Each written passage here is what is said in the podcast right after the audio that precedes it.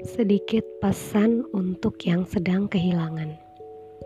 Tidak masalah jika belum terbalas. Toh yang penting doanya kan sudah ikhlas. Nanti juga Allah akan hadiahi yang paling pantas. Jika kamu memilih Allah hingga kehilangan sesuatu, ribuan kali lipat balasan yang akan datang. Tinggal menunggu waktu. Tugasmu hanya sebatas berusaha.